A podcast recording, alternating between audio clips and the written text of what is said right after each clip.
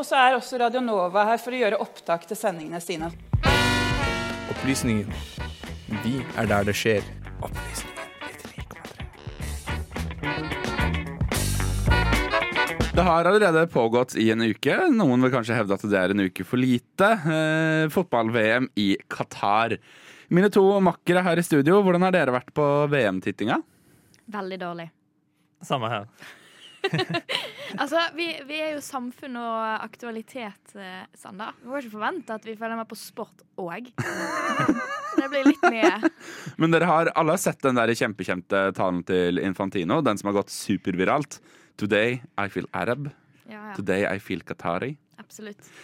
Altså, VM i Qatar har jo blitt på et sett overskygget av eh, den negative pressedekningen knyttet til eh, stedet det foregår, menneskerettighetsbrudd, eh, eh, undertrykking av homofile, eh, migrantarbeidere og generell korrupsjon som har preget Fifa eh, siden omtrentlig starten. Men hvordan har vi dekket dette utenfor fotballbanen? Vår reporter Carl Biel har tatt en titt på det. I stua er kanskje VMs mest kontroversielle kamp på. Så dommeren smiler og gjør det han kan for å spille godt humør. Det er Iran og USA som spiller mot hverandre i dag.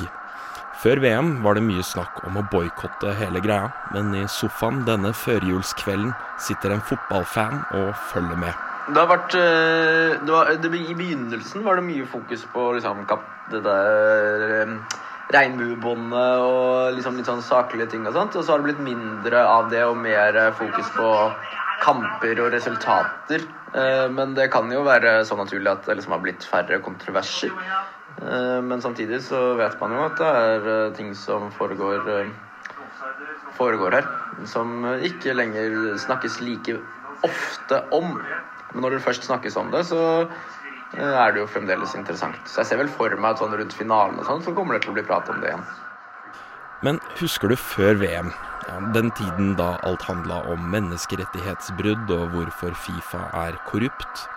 Man hørte også om fotballnettsider som skulle boikotte hele greia, og om hvordan noen medier sa at de skulle dekke dette VM helt annerledes. Vel, nå har faktasjekkerne i faktisk.no tatt på seg de kritiske brillene og funnet ut hvordan vmfaktisk.no har blitt dekket. De har sjekka de syv nettsidene Nettavisen, VG, Dagblad, NRK, Aftenposten, Dagsavisen og TV 2. De har sortert alle sakene som handler om Qatar.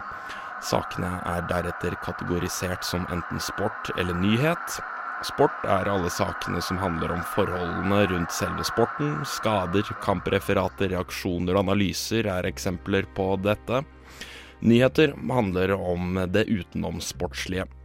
De har deretter målt om sakene inneholder henvisning til kritikk av Fifa Qatar eller mesterskapet på bakgrunn av menneskerettigheter, korrupsjon og sånt. De fant ut at 57% av artiklene handla om sport, og 43% av sakene havna i kategorien nyheter. Av sakene som handla om sport, er det kun 6% av sakene som handler om kritikk av Fifa eller Qatar. Av nyhetssakene er andelen dog mye større. Men alt i alt handler mye om resultater, og ikke så mye om kritikk av hele greia. Men så var det dette med boikott, da. Du husker da det var mye snakk om det, sant? Tilbake i stua forteller fotballsupporteren Espen at han egentlig kikker på VM litt sånn i smug. Jeg føler meg skitne. Jeg føler at jeg sitter og gjør noe ulovlig. Jeg eh, driver ikke og flagger dette ut til folk. Jeg vil ikke at folk skal vite at jeg gjør det. Så det er kun mine aller, aller nærmeste som får vite at jeg fra tid til annen ser en kamp. Reporter i saken, det var Carl Biel.